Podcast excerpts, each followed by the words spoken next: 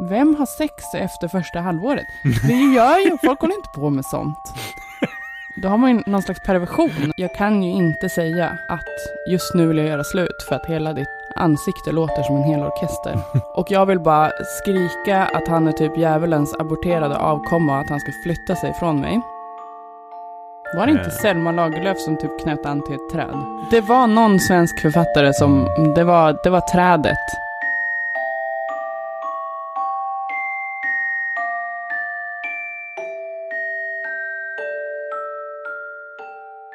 Hej och välkomna till Mörkret. Sveriges mest anknytningsstörda podcast för hjärnsnea. Med mig Johan och dig Angelica. Jag minns Johan att jag var så kär. Så kär har jag aldrig varit i hela mitt liv. Eh, Jag tänkte också så här, gud, vad vacker han är, min pojkvän. Jag älskar liksom hur nacken ser ut och hur håret lockar sig eh, kring hans vänstra öra. Det liksom lockade sig på ett väldigt speciellt sätt. Och hur han doftade och hans skratt och hans allting. Jag minns hur vi satt i soffan hemma hos honom. Och han sa så här, kan du inte sätta dig lite närmare? Eh, kanske kan stryka på mig lite. Och just där så kände jag att nu blir kraven alldeles för orimligt höga. Alltså på bara några sekunder så ändrades allt till så här, är jag bara någon slags verktyg för hans oxytocin? Det är ju jätteäckligt. Usch, usch, han ber mig faktiskt om närhet. Usch, närhet, gud vad äckligt. Och sen så börjar jag höra det. Jag börjar plötsligt höra alla hans kroppsljud. Det klickar lite lätt varenda gång han blinkar, du vet, typ så här i ögonvrån. Eh, det är som ett eh, nästan högfrekvent men väldigt så här snabbt och kladdigt klick i ögonvrån. Eh, varje gång han blinkar så klick, klick. Jag borde kanske göra slut tänkte jag. Jag kan ju inte sitta och lyssna på hans jävla ögonlock resten av vårt liv. Och sen, till råga på allt, så tog han en näve chips ur chipsskålen och liksom mula in den i munnen. Och jag blev så här, herregud, hur kan det låta så här mycket när någon äter? Det är ju egentligen bara några små chips liksom. Eh, det är ju inte grus, men ändå så låter han som något grusschakt i munnen. Och så säger han så här, ja men vad fin du är älskling. Och så flyttar han sig lite närmare och så lägger han sin hand på mitt lår. Och det är liksom en chipshand. Eh, under den, ja men li, några chipskorn kvar som liksom smular sig mot mitt ben. Och jag vill bara skrika att han är typ djävulens aborterade avkomma och att han ska flytta sig från mig. Eh, och stänga munnen för i helvete och sluta tugga så högt. Men jag säger ju inte det, för jag älskar ju honom nyss. Det vet jag ju också, med mitt förstånd. Så vi sitter ganska nära i soffan. Och jag liksom försöker djupandas för att det inte får synas att jag går sönder av ilska eh, inuti. Eh, för det är ju myskväll. Och då, när jag liksom äntligen har lyckats lugna ner mig lite grann, så hör jag den. Näsflöjten. Och den är tillbaka. Och jag känner bara, åh nej, varför kan han inte bara snyta sig? Hur lever han alltså själv, alltså det är ju uppenbara andningssvårigheter som han har. och plus att så här, han, alltså han har ju en flöjt mitt i ansiktet. Borde inte han höra hur det piper? Liksom varje in och utandning, två olika pip. Alltså det är så irriterande.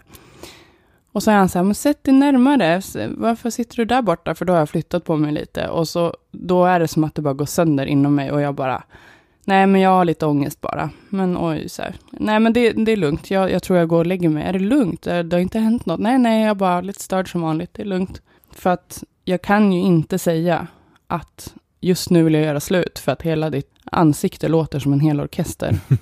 jag kommer ju aldrig, alltså Johan, jag, och det är det här jag undrar liksom, det här är jag i relationer. Mm. Och sen så får jag frågan typ varje vecka, så här, när ska du och Johan bli ihop? Men så här vill inte jag känna mot, med dig liksom. För, för du känner inte så med mig? Nej, verkligen inte. Blev du orolig? Ja, lite. Nej, men det kan liksom, det kan vända på, på, verkligen på en sekund. Och det där var jag så himla rädd för när jag var yngre, att så här, ja men jag är kär, vi är ihop, och sen så bestämmer, man lovar ju ofta varandra någonting, man kanske Mm. flyttar ihop. Mm. Och sen från en dag till en annan, så bara, nu går det inte mer. Är jag helt störd eller? Är jag störd, Johan? Ja, men kanske i den eh, mening som vi alla är lite störda i, tänker jag.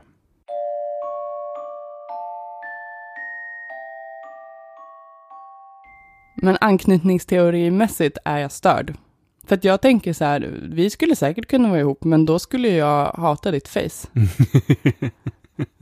Just det. du vet inte vad du ska säga nu. Åh, jag önskar att man kunde filma dig nu och hur obekväm du är. Ja, nej men vi tänkte att vi skulle prata om det här med anknytningsteori idag. Nu tar jag tillbaka det till det teoretiska, från det känslomässiga planet till det teoretiska. det är bra. Men vad är då anknytningsteori? Om man ska förklara det på liksom ett lätt sätt. Jo, alltså jag läste ju en bok som heter Hemligheten. Just det. Det är ju den som alla som precis har blivit singlar och undrar vad det är för fel på dem äh, läser. Äh, Ja. Av, vad heter de? Dan, Dan Josefsson, känd vänsterjournalist. Jaså? Mm. Och Egil Linge. Mm. Men, och de skrev ju en bok om hemligheten, typ hur man får varaktiga relationer. Och den här har ju citerats alltså till döds Mm. av, jag tänker att det är samma klientel som hänger på Tinder typ. Så här olyckliga singlar som bara, varför, varför går inte? Mm. Mm. Och där står det ju väldigt light om det här med anknytning. Och det är en teori som man kanske inte använder på samma sätt längre. Nej, jag tror också det. Vi kan väl återkomma till det lite. Men om man ska förklara själva teorin eh, och hur den hänger ihop med det här med relationer och så, så kan man väl kanske säga att det handlar om liksom Grunden i teorin är kanske att när vi är barn, när vi är väldigt, väldigt små barn, så skapar vi vissa liksom mönster för hur vi knyter an. Eh, och då i den teorin har man har pratat om den, så en, pri- ens primära anknytningsperson som ofta har varit liksom ens morsa. Och att eh, de mönster som man har för hur man knyter an till sin primära anknytningsperson när man är liksom jätteliten, att de följer med en genom livet och att de kan förklara då sådana här grejer som varför du i din relation är jättejättekär och sen helt plötsligt blir helt, eh, finner din partner liksom helt motbjudande och så. Det är liksom teorin i korthet om man ska säga. Mm. När man googlar det här, då, då kommer det upp eh, så här, har du problem med relationer? Det kan vara ditt fel. no shit. Det finns ju tre olika slags, och, och då då att man inte använder de här längre, för att man sätter etiketten otrygg och trygg anknytning. Mm. Alltså det är nästan så här normal och, Just det. fast det man menar är att typ, ja men det finns eh, otrygg, det finns trygg anknytning, ja, en trygg uppväxt, trygg unge, bra Mm. relationer som vuxen. Och sen otrygg undvikande anknytning och otrygg ambivalent anknytning. Och det Mm. man menar är väl att alltså de här otrygga anknytningarna är så pass vanliga. Ja, precis. Och idag, alltså vi snackade ju med en kompis till oss om det här som är terapeut och som jobbar med det här. och hon sa ju att man, alltså den här forskningen som kommer, den började redan på typ 50-60-talet och sen var det stor på 70-talet och så. Men idag, att den kan bli liksom ganska så här normativ och också att den utgår ganska mycket från att, ja men, om du inte är vad ska jag säga, om du är otrygg i dina anknytningar så är du väldigt liksom skadad i ditt sätt att bilda anknytning och sådär. Medan man idag kanske mer pratar om att barn faktiskt försöker, alltså alla barn, eh, försöker skapa strategier för att hitta trygghet i sina anknytningar och så. Alltså man ser det mer som att man har mer, eh, vad ska jag säga, perspektivet att människor faktiskt strävar efter trygga Mm. anknytningar. Och att man inte ska värdera så mycket. Ja, precis. För att jag har ju, dels så har ju det här fått mig att eh, ta fram olika strategier för att inte hamna i en relation igen. Det var ju inte så den här hemligheten, boken var tänkt. Nej. Men sen så har det också fått mig att få sjukt mycket ångest över mitt barn, att jag förstör Mm. mitt barns anknytning. Ja, just det. Eh, det gör jag ju inte, men eh, det är väldigt lätt när man läser om det här. Mm. Eh, till exempel den som jag har, eh, skulle jag tro, otrygg ambivalent anknytning. Då så är man ofta känslostyrd och kräver ständig närhet och uppmärksamhet. Håll käften, internet. Personen har ofta lätt att tvivla på partners känslor. Rädslan för att bli övergiven och lämnad kan göra att personen blir väldigt intensiv, vilket riskerar att stöta bort en potentiell partner. De starka känslorna som blossar upp hos personen med detta anknytningsmönster leder ofta till stormiga relationer. Alltså det är lite smärtsamt att läsa. Känner du igen dig? Ja. Mm.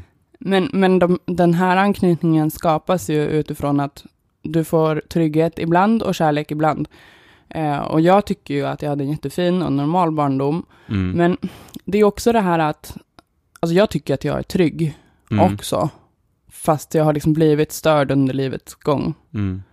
Eh, har liksom alltså min ankny- jag tror att min anknytning har ändrats i och med relationer i vuxen ålder. Just Så det. känns det. Ja ja, för det är också en sån grej som man idag, eh, liksom när man diskuterar det här, den här grundteorin, liksom, ja, ditt, din, dina strategier för anknytning i vuxenlivet eh, beror på dina strategier för anknytning, eller liksom hur, hur den såg ut när du var barn. Men man har också sett på det där när man har forskat på en grupp och liksom följt dem över tid, att ungefär en femtedel av dem i den gruppen då ändrar sin eh, anknytningsstrategi eller vad man ska säga, eller sin typ av anknytning och att det ofta har då att göra, och det kan gå väldigt, väldigt snabbt, det kan bara på veckor eller månader eh, så har man liksom helt ändrat. Eh, och det handlade då ofta i den studien som jag tittade på om att man har varit med om någon, alltså någon sorts, eh, ja, ett förhållande som tagit slut eller liksom något, något katastrofalt som har hänt, någon som har dött eller liksom någon viktig relation som har Mm. slutat på ett sånt sätt. Liksom. Och då kan, kan man faktiskt ändra eh, hela sitt anknytningsmönster. Men jag tror verkligen på det. Och att så här, äh, man kan också läka det åt andra hållet. Mm. Men den här som du är då Johan. Det är eh, också en diagnos som Dr. Angelica har ställt på nej mig. men det här är ingen diagnos. Jag Nej, bara, nu. Ja. se, nu läser jag om dig här. Eh, personerna är ofta omtyckta och sociala, särskilt i mer ytliga relationer. När det kommer Mm. till nära relationer håller de distans och har svårt att komma in på... Nej men det här är ju inte du. Svårt att komma in på livet. Ja. De är lätta för att anpassa sig i ett förhållande, men svåra att ge sig till hand till fullo. Alltså nu läser jag från l.se. Okej. Eh, de tänker ofta istället för att känna efter. Mm, ja, ja. När kärleksrelationen fördjupas eller blir för närgången är det vanligt att personen med detta anknytningsmönster flyr. De lever efter devisen håll distansen så blir du inte avvisad. Mm, mm. Och det är ju då barn, enligt om man tror då att allt påverkas av barndomen på det sättet. Eh, det är barn som ofta har fått höra ryck upp dig, upp och hoppa, det där ingen var ledsen för. Eh, föräldrarna kan också visa ogillande när barnet gråter och det gör att barnet förväntar sig bli avvisat när det behöver hjälp och därför inte vågar söka närhet och stöd. Och också kan man säga, det här står inte här, men att man lär sig ju att inte vara för klängig, men också att om du är undvikande, om du är självständig, håller dig för dig själv och inte behöver så mycket, då är chansen större att föräldern kommer till dig med kärlek. Mm, Men är du klängig så kommer du bli avvisad. mm. Och sen så finns det den, en till som är då, alltså barn som har blivit utsatta för, ja men alltså övergrepp i olika former, psykiskt, fysiskt eller sexuella övergrepp.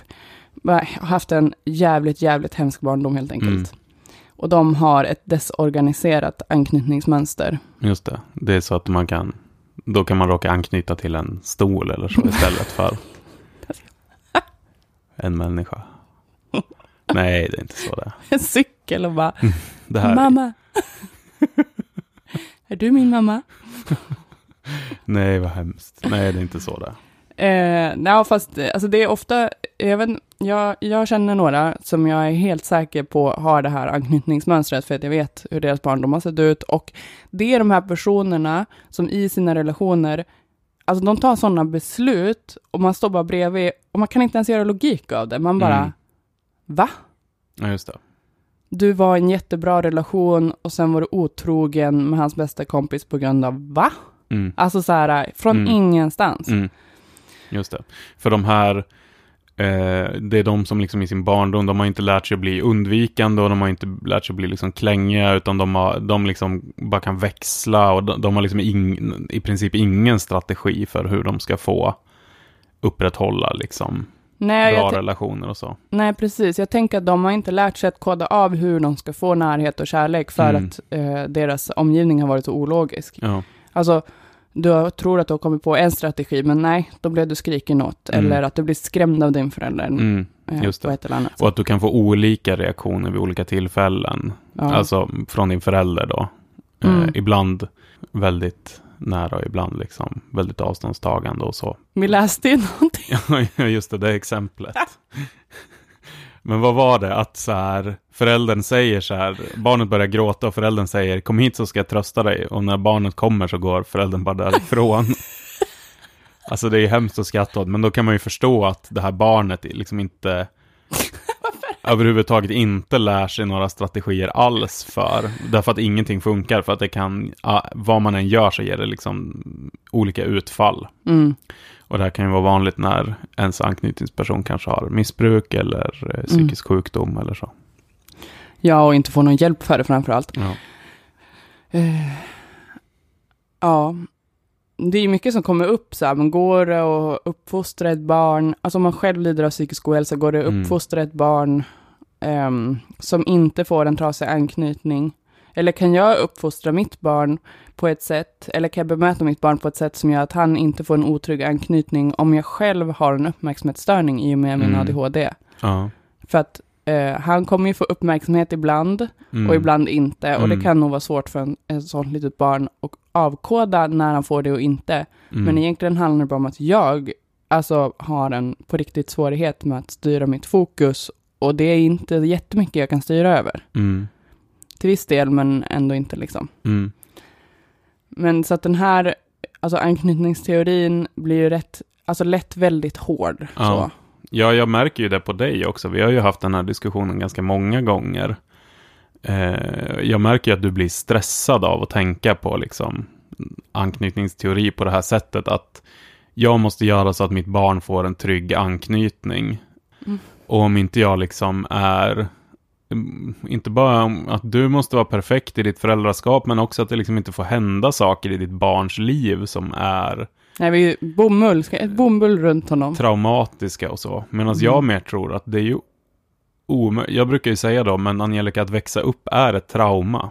Mm. Vi blir alla tra- traumatiserade. Ingen kan vara kvar i den så här totalt trygga tillvaron. Och det vi måste liksom, det viktiga är inte att vi inte blir utsatta för trauman eller saker som gör ont eller saker som känns svårt, utan att vi vet att när vi gör det, att det då finns en trygghet Mm. i våran anknytning och så. Ja. Men den här, ja, alltså... Men, men för jag måste ändå säga det, för, för eh, det är ju så stört, när, när, alltså när man tillhör den här googlingsgenerationen typ av föräldrar, mm, alltså för jag är ju ändå typ så här med om, alltså ändå relativt frekvent att föräldrar eller andra föräldrar eller folk kommer fram till mig på tunnelbanan och bara, hej jag måste bara säga att jag tycker att du verkar vara så himla bra mamma. Alltså Mm. hur ofta är man med om det, eh, även om man är en jättebra mamma. Alltså så här, det är ju ändå, och så här, jag alltid får höra att mitt barn verkar så himla trygg och glad. Det är alltid Mm. det så på dagis, bara, han är så trygg och glad, eller på Mm. förskolan. Och ändå så krävs det en liten googling för att bara få hela min så här, äh, mm, rädsla att blossa upp till, ja, men det är verkligen skönt när du säger det, för att Mm. det handlar ju inte om att, alltså barnen ska ju få uppleva, och sen så ska man vara där med sin kärlek och sin tröst. mm, Och det är ju det, alltså vuxna som säger att de har haft en hemsk barndom, eller liksom haft, blivit svikna av sina föräldrar, det är ju föräldrarna som inte har stått där med en kram, Ja. med tröst, med kärlek, utan istället har skrikit, eh, blivit rädda, mm. eh, eller bara avvisat dem. Ja. Det är ju också väldigt så här, eh, det, ur den här, för den här med eh, anknytningsteori, det började på 50-talet, det började egentligen typ efter andra världskriget och så, när folk började titta på så här, alltså barn som hade förlorat sina föräldrar och så under kriget, eller varit åtskilda från sina föräldrar, alltså typ som så här finska flyktingbarn i Sverige och så, så började man titta på hur de mådde psykiskt och så, eh, och sen växte det fram på 50 och 60-talet. Eh, och på 70-talet så började det få någon sorts liksom empirisk grund, alltså att man faktiskt forskade på det och det var då man gjorde sådana här test där man satte ett barn tillsammans med sin, sin mamma var det nog i alla de testerna som man gjorde från början. Eh, och så går mamman därifrån och så händer det någonting. Det kommer in en främling och så, och så tittar man på så här hur barnet reagerar och hur den reagerar när mamman kommer tillbaks och så. Och trygga barn till exempel är ju de som liksom, ja, mamma gick, men jag vet att hon kommer komma tillbaks, det är liksom ingen fara och så. Man gråter en stund, men kan Man kan bli trösta. ledsen och sen går man tillbaka och blir tröstad och så. Mm. Eh, men sen på typ 80-talet och kanske framförallt på 90-talet så växte det ju fram en typ en, en, det som kallas för attachment parenting, någon sorts liksom så här, ja men hur ska jag som förälder, hur ska man som förälder ta tillvara på den här kunskapen liksom och hur ska jag göra och så, och det massor som kommer därifrån.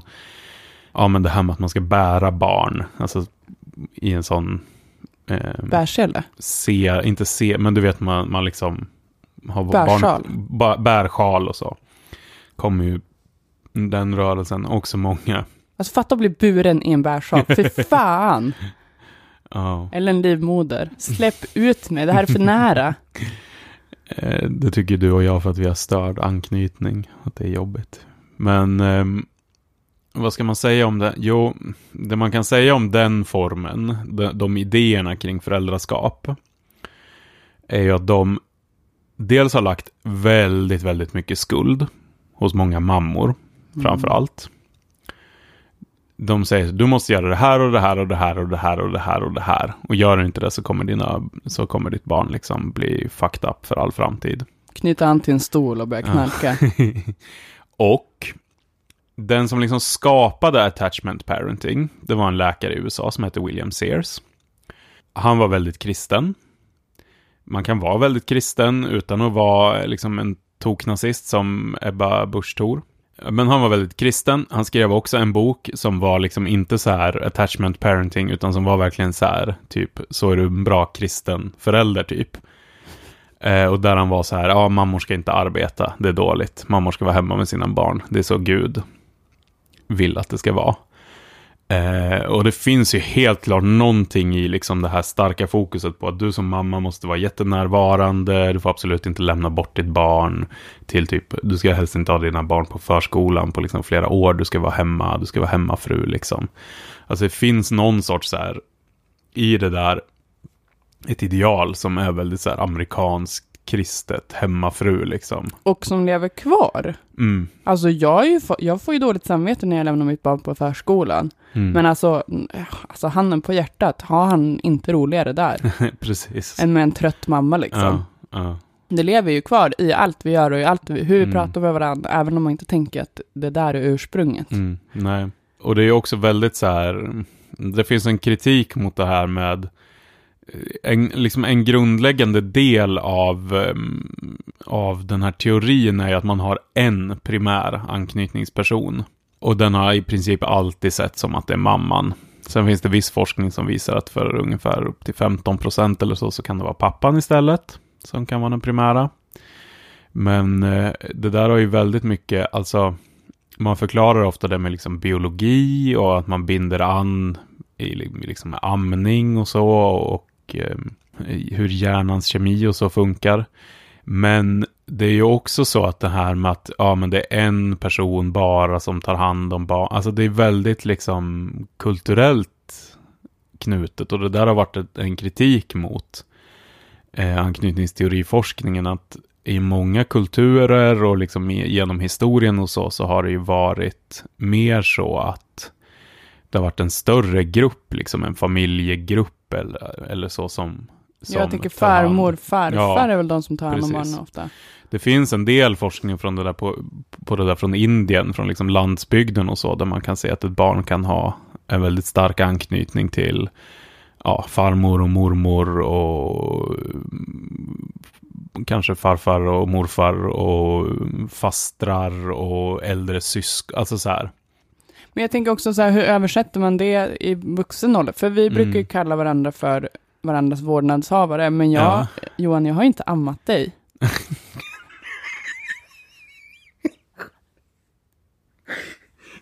Nej, nej då, inte på något sätt. Förklara mitt ansikte. Du ser bara ut att må dåligt nu. Ja.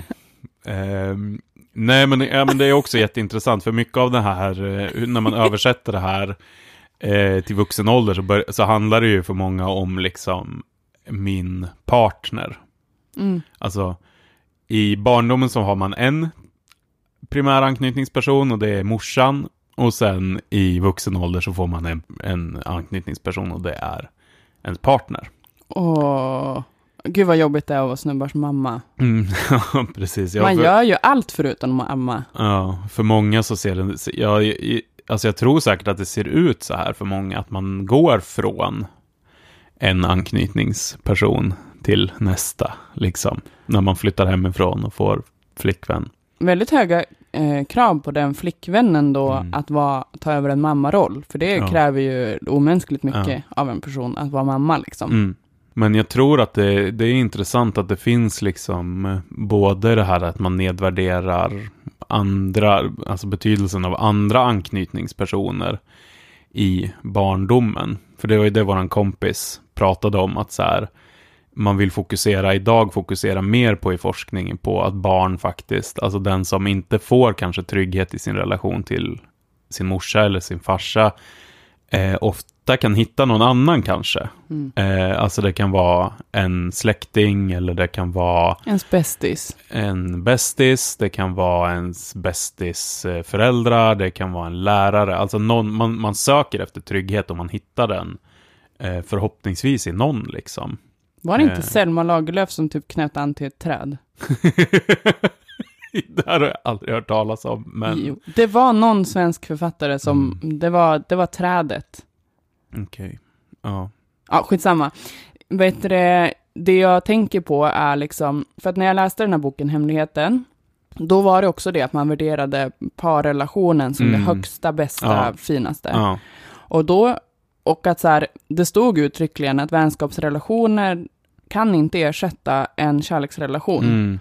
Och det jag känt är att mina allra, allra vackraste, förutom typ relation till syskon och så, så har mina allra vackraste relationer, ja föräldrar också, men framförallt syskon och vänner är liksom de mest Mm. läkande och finaste relationerna jag har i mitt liv. Mm.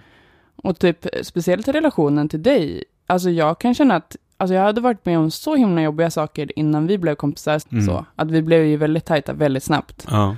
Det är ju konstigt utifrån den här teorin när jag är liksom totalt undvikande och du är totalt ambivalent. Ja. Men Ja. är inte de två anknytningstyperna som ofta kompletterar varandra? Det kanske är så.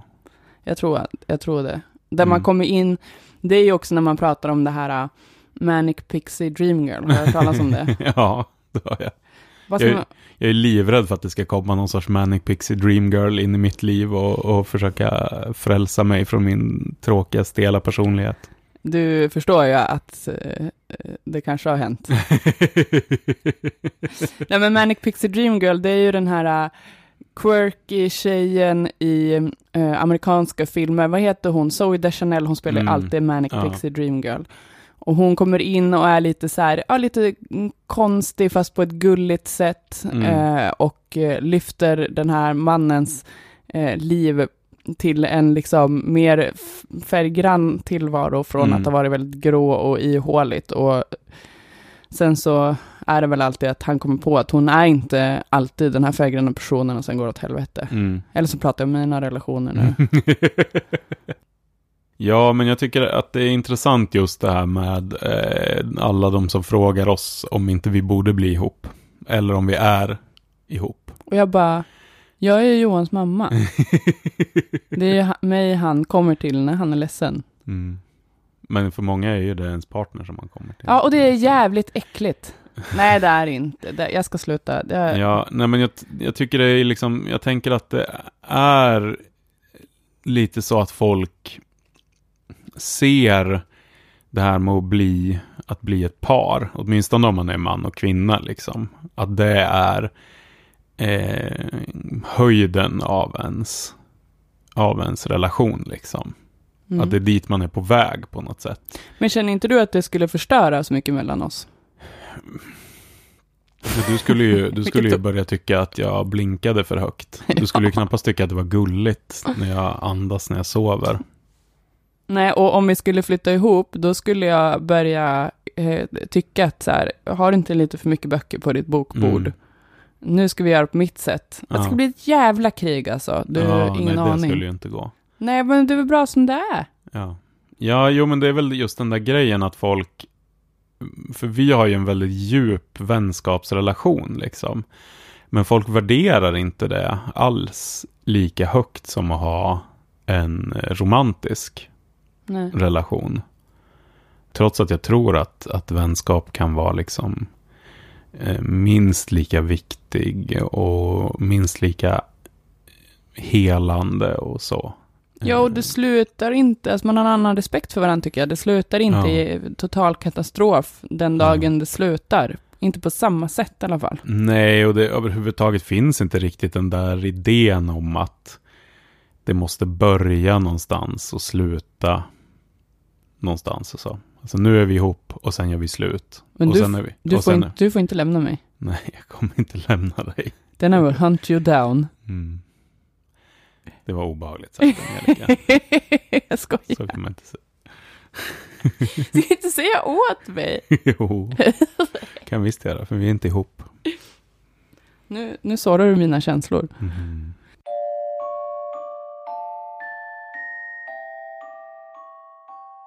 Johan, vem är den mest relationsstörda du har träffat? Mm.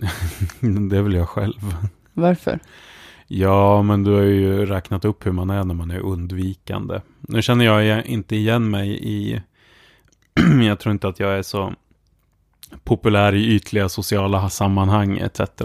Jo, det tror jag. Det tror jag. Ja, ja, kanske. Men jag är väl, har väl undvikit... Eller, det låter ju skitkonstigt. Jag har undvikit nära relationer. Det är väl ingen som vill att ha nära relationer med mig. Eller jag har kanske inte ens utstrålat att jag har varit tillgänglig för det överhuvudtaget under ganska mycket av, av mitt liv. Liksom.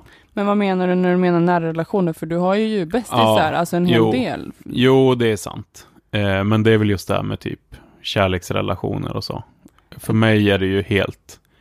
Alltså bara tanken på att typ flytta ihop med någon och så ligger ju jättelångt borta för mig. Varför? Jag vet inte, jag tror att jag... ehm, nej, men jag vet inte riktigt vem jag skulle vara om jag behöver liksom anpassa mig efter någon annan i mitt vardagsliv och så. Det är väl det som är den, den tråkiga sanningen att har man levt som jag har gjort i 32 år. Alltså jag minns en gång när jag och en kompis på den tiden jag var, det var på den tiden jag var partipolitiskt aktiv och så var jag och liksom en kompis och, och, och så träffade vi en, en äldre person från det här partiet och så pratade vi lite och så här så frågade väl han så här, ja men har ni några flickvänner eller pojkvänner eller så liksom? Och vi båda var nej, jag har inte tid med det, håller på med politik liksom. Och då, då sa han typ så här, ja men typ gör inte som jag, alltså så här, så här var inte ensam i typ 50 år för att då vänjer man sig vid det och då kan man aldrig vänja sig av med det. Vad kände du då? Ja, fast då kände jag nog så här, ja, spelar roll. Jag håller på med kampen. Det här är det enda viktiga liksom. Eh, och lite så känner jag väl fortfarande idag. Fast samtidigt så kan jag ju tänka så här. Alltså jag betraktar ju mig så, jag brukar ju kalla mig för relationsanarkist. Eh, och med det menar jag att jag tycker att vi ofta låter någon annan definiera reglerna för våra relationer. Liksom. Vi tänker att ja, nu har jag och den här personen den här relationen och då är det de här ramarna som måste vara. Medan jag mer tänker att um, man faktiskt ska öppet diskutera vad man vill ha för ramar i sin relation. Och att alla relationer inte behöver se likadana ut eller gå mot samma mål. Och det kanske faktiskt är så här, ja, nej men jag, eh, vi kommer inte flytta ihop till exempel. Mm.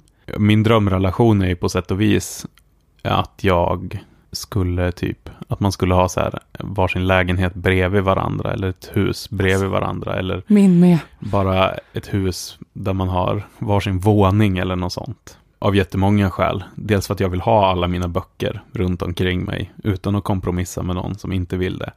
Eh, sen tror jag också, åtminstone om man har en relation man och kvinna så, så är det ju ofta där, när man flyttar ihop och börjar ta ansvar för ett gemensamt hushåll och så, som väldigt mycket av liksom, ojämställdheten och så slår igenom, även om man tycker att man är ett liksom jämställt par som pratar om det här och mäter hur mycket tid eh, man lägger på hushållsarbete och allt sånt, så, så visar det sig jätteofta att det är i princip omöjligt att leva jämställt i en heterorelation. Liksom. Det är oerhört ovanligt att lyckas med det, åtminstone sen man fått barn och så. Då är det ju för många par som det här slår igenom. Och då tänker jag att man kanske bara ska lösa det genom att faktiskt, om man nu skulle vara, vilja vara i en heterorelation, genom bara inte ha ett gemensamt hushåll liksom. Alltså verkligen. Jag tror att det är geni alltså. Mm. Jag känner typ att jag inte, jag är inte relationsanarkist. Alltså jag har ju försökt bli lesbisk. Alltså Mm. det går så dåligt Johan. Alltså varenda gång jag bara, jag är lesbisk, alla runt mig bara, nej men sluta. Jag kan inte komma ut. Nej. Nej. Nej, jag är, alltså jag är ju inte, jag är ju bara lesbisk för att jag vill bli lämnad i fred av snubbar. Mm. Det är det som är grejen. Och säger man så här, jag är lesbisk, då går de oftast. Jag tycker det är skönt. Ja. För jag orkar ju inte hålla på och peta på någon tjej heller, usch. Men jag känner typ så här, att välja att vara själv, det har jag alltid tyckt varit tragiskt. Men nu känner jag att så här, ah, fy fan, alltså det, alltså då, när jag har varit själv, de korta perioderna i mitt liv där jag varit det, då har jag ju mått som bäst. Mm. Just det. Och jag känner så här, Och så är det ju statistiskt för kvinnor. ja hur? Mm. Att man mår bättre utanför en parrelation om man är heterosexuell kvinna. Ja, just det. Mm. Dumpa din kille. Det är ett budskap som vi helhjärtat stödjer. Men det är intressant också, för du säger ju också så här när man är ensam och när jag har varit ensam och så. Och så kan ju jag också säga och tänka. Alltså man är, när man inte är i en kärleksrelation så är man ensam. Men, men det är man ju inte. Men det är just det här med alla, att alla andra relationer, vänskapsrelationer och relationer till sin familj och så, att det liksom eh, nedvärderas Mm. så himla mycket. Och ses som liksom inte alls, ja men det är just den där grejen från hemligheten att det kan inte ge dig det som du kan få i en kärleksrelation i form av liksom trygghet och, och anknytning och så. Men det är ju, ställer jag mig jävligt frågande till om det verkligen är så. Eller om det bara är en norm som säger att det inte kan vara så. Ja, för jag känner det att så här, jag kan ha så fina, respektfulla vänskapsrelationer, men så fort det är så här, vi är ihop, då är det som att trycka på någon slags så crazy button. Då har jag orimliga krav på den andra och så är jag jättejobbig och sur hela tiden. Mm. Det vill man ju inte. Så beter jag mig aldrig mot någon annan. Nej. Varför tror du det är så då? Nej, men jag vet inte, för att, ehm, för att man blir helt störd. Alltså jag tror att det är det också, att man är med varandra hela tiden. Mm. Du sover i samma säng, ni, man ska ha tid för varandra hela Mm. tiden. Det finns alltid någon sån press. Mm. Och sen så, eh, liksom när man går från den här nykära fasen, då ska den liksom alltid, man ska jämföra sig med den. Just det. Och så, Just det. borde vi inte ha sex, borde vi inte göra det här? Men det är ingen som vill göra någonting av det där. Och ändå borde man. Och det blir bara hemskt. Alltså det Ja. blir bara hemskt. Vem, alltså, vem har sex efter första halvåret? Det gör ju, folk håller inte på med sånt. Då har man ju någon slags perversion. Men ändå är det kravet. ja. ja. Ja, Ja, nej men det är intressant och jag, folk brukar anklaga mig för att vara så icke-romantisk eller oromantisk när jag säger att så här, eh, om vi ska förstå kärlek och förälskelse så måste vi förstå vad som händer i hjärnan. Och då tycker folk att nej men kärlek det är något magiskt och obeskrivbart och så. Och det är klart man kan inte säga att kärlek bara är signalsubstanser. Det är som att säga att en dikt, att det bara är bläck på ett papper liksom. Alltså man kan inte förstå det på det sättet. Men man måste ju också förstå, eller jag tror att man har bättre chans att bli lycklig eh, om man förstår till exempel att så här, ja men vad händer när man blir förälskad? Det är så här seroton- serotonin och, och noradrenalin och sånt som frigörs i hjärnan. Eh, och så känner man, det är det som är förälskelse liksom. I princip att ditt belöningssystem kidnappas av en annan människa. Den annan, dopaminet kanske. Ja, Du äger mitt dopamin. ja. Inte du då, för vi är inte ihop. ja, eh, men men man har liksom, ja, de här signalsubstanserna frisätts och därför känner du på ett visst sätt. Och det är därför också som du inte märker om din partner eh, smackar eller klickar med ögonen när hen blinkar eller något sånt. Liksom. För att allt sånt döljs under den här eh, vågen av eh, signalsubstanser. Men det man också måste fatta är att den här vågen kommer att klinga av.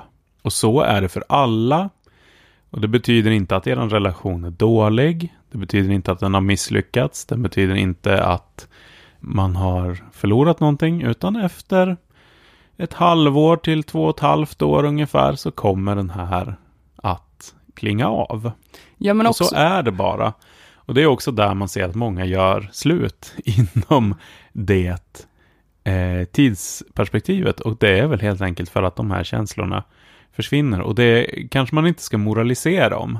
nej. kanske bara är så. Ja, okej. nu. eh, Men jag tror att de som hela tiden söker den här förälskelsekicken Mm. kommer ha väldigt svårt att hitta mm, en trygghet i relationen. För det är ju också, det är ju den andra sidan av det här. För vad händer i bästa fall när den här, den här dopaminvågen klingar av? Det är ju att den ersätts av oxytocinet. Alltså trygghetshormonet. Och det är då jag bara, Ugh. någonstans, för mig är det någonstans vid tre månaders gränsen och bara, nej nu, Mm. usch det här. Då, Ja. då känns det som att jag fastnar i den jävla tygbärselen eller Ja, fast på liksom min kille. precis. Men vadå, då, det är då magin händer? Ja, om, alltså jag tror att det är det man måste förstå att ehm, du kommer antagligen inte vara blixtförälskad i den här personen resten av livet. Det vore inte ens bra att ha de känslorna, men däremot så kan den här personen bli eh, en känsla, eh, Eh, eller ger dig en känsla av trygghet liksom. Och att vår kultur så mycket premierar den här himla stormande kärleken medan jag mer eh, typ drömmer om och tycker att idealet på något sätt är liksom det här en djup vänskap och en känsla av trygghet hos varandra. Egentligen oavsett om man är ett par eller om man är vänner eller liksom vilken relation, hur man väljer att definiera sin relation så ser jag det som liksom eh, målet snarare än att man hela tiden, alltså jag tycker det här med att vara förälskad det är ganska fruktansvärt också på något sätt. Jag, jag blir, är ganska, jag är ganska rädd för, för de känslorna Mm. också. Jag tycker att de är för intensiva och att det blir ja, man, man, Kontrollförlust typ. Ja, precis. Man blir så utelämnad åt en annan person i hur jag ska må. Alltså det är ju så ovärdigt också när det Ja. inte går vägen. Ja, det är det. Men, men det jag tänker på, det här som hemligheten, boken har lärt mig, det är att det finns två saker som gör att, alltså för att min, mitt vanliga mönster är att jag gör slut med den kille som jag är ihop med, eller han är slut, oftast jag. Och sen så blir jag ihop med någon ny som kommer så här och så, det är som att jag nästan aldrig riktigt väljer. Alltså Mm. det har jag försökt öva mig på, att Ja, välja, det. ehm, inte bli vald. Mm. Men det finns en typ som, alltså, nu låter det jättekonstigt, men alltså det är ganska många som, som vän, män som kommer till mig Mm. när jag är singel, som har två saker för sig. Och det ena är, alltså då att vi har någon slags relation, Mm. alltså vänskapsrelation, men att Mm. man kanske vill något mer. Och det är att du är den enda som på riktigt förstår mig. Mm. Jag har aldrig träffat någon som har eh, förstått mig som, så som du gör. Det här är något alldeles unikt. Mm. Eh, och sen så är det, eh, det var väldigt grått, typ. Alltså Manic Pixie Dream Girl-grejen. Det var grått innan du kom. Ja. Eh, jag känner mig typ levande nu och det har varit något oidentifierbart, liksom någon tomhet det. ehm, och någon trygghet som Ja. du fyller upp. Ja.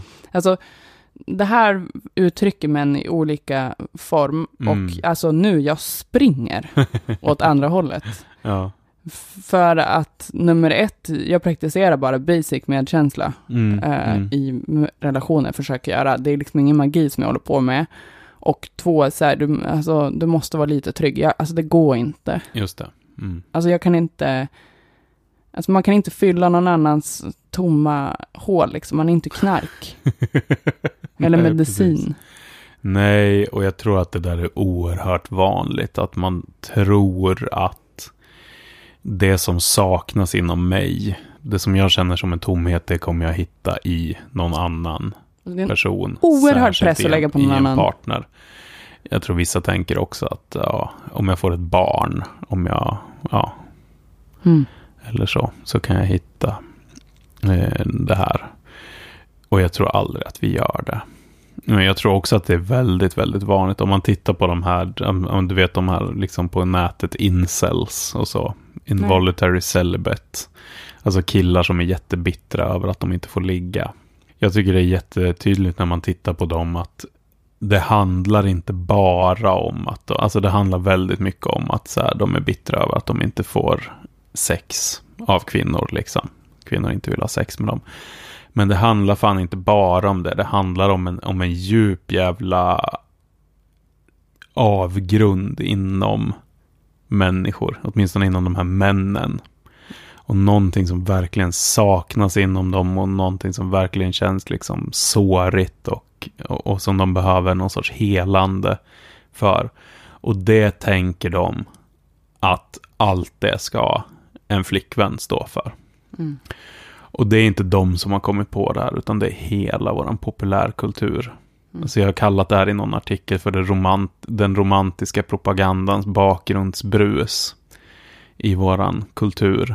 Eh, att det liksom verkligen hela tiden finns som ett bakgrundsbrus i liksom nästan all kultur, den här grejen att eh, om du är man så är det liksom hos en kvinna som du kan hitta det, det som du behöver för att bli hel och bli helad och sådär.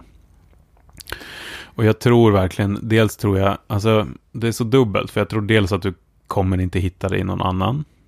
Men jag tror också att det är så här, fast ingen av oss klarar oss själva. Vi behöver alla trygghet från andra och sådär. Men vi har verkligen så här, och den enda typen av gemenskap och så, alltså, eller så här, inte den enda, men det som vi verkligen har sett som liksom den premierade, viktigaste formen av gemenskap är den mellan två personer i en kärleksrelation.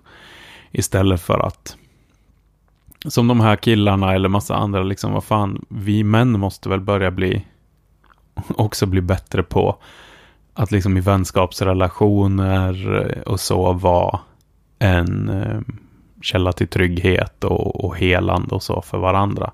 Ja, men för det jag tycker att många eh, som jag känner och det man hör är så singelmän, det man saknar är ju oxytocinet. Alltså man saknar Mm. alltså fysisk närhet, för det behöver man ju, Ja, tror jag, ja, som människa. Eh, och så här, som man, om du är singel, vart får du det? Alltså Ja. nu snackar jag om kramen, liksom. För du, du, du kanske inte får det så ofta av dina vänner. nej, Du kan ju inte så här vara liten och sårbar och be om att få skeda din kompis, typ. nej, nej, Men för mig, alltså som singel, jag saknar aldrig fysisk närhet. Nu har jag ju barn, liksom, Mm. inte för att jag, alltså så här, då får man ju det automatiskt. mm, Men även annars att så här, jag gosar ju mina kompisar. mm, Alltså så här, framförallt mina tjejkompisar. Det är ju liksom, alltså man håller varandras hand, man sitter nära i soffan, man Mm. kramas mycket. Alltså så här, för det är naturligt. mm, Alltså man fyller på utan att man ens tänker på det. mm, Mm, Så att för mig, ja men jag, det blir alltid så här konstigt när, när mina killkompisar så här, ja men d- ja, jag saknar fysisk närhet, jag vill bara, alltså det är ofta så här, jag vill bara ha en kram. mm, Nu är inte det här kanske killar som är sådana äckelpäckel som många är, men bara så jag vill bara ha en kram. ja. Ja, jag tror för jättemånga män så är det överhuvudtaget svårt att liksom känna det där. Jag tror för många så tar det där uttryck i att tänka så här, jag vill ha sex.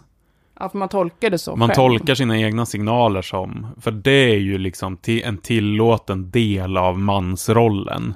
Jag, vill ha, jag är man, alltså vill jag ha eh, mycket sex.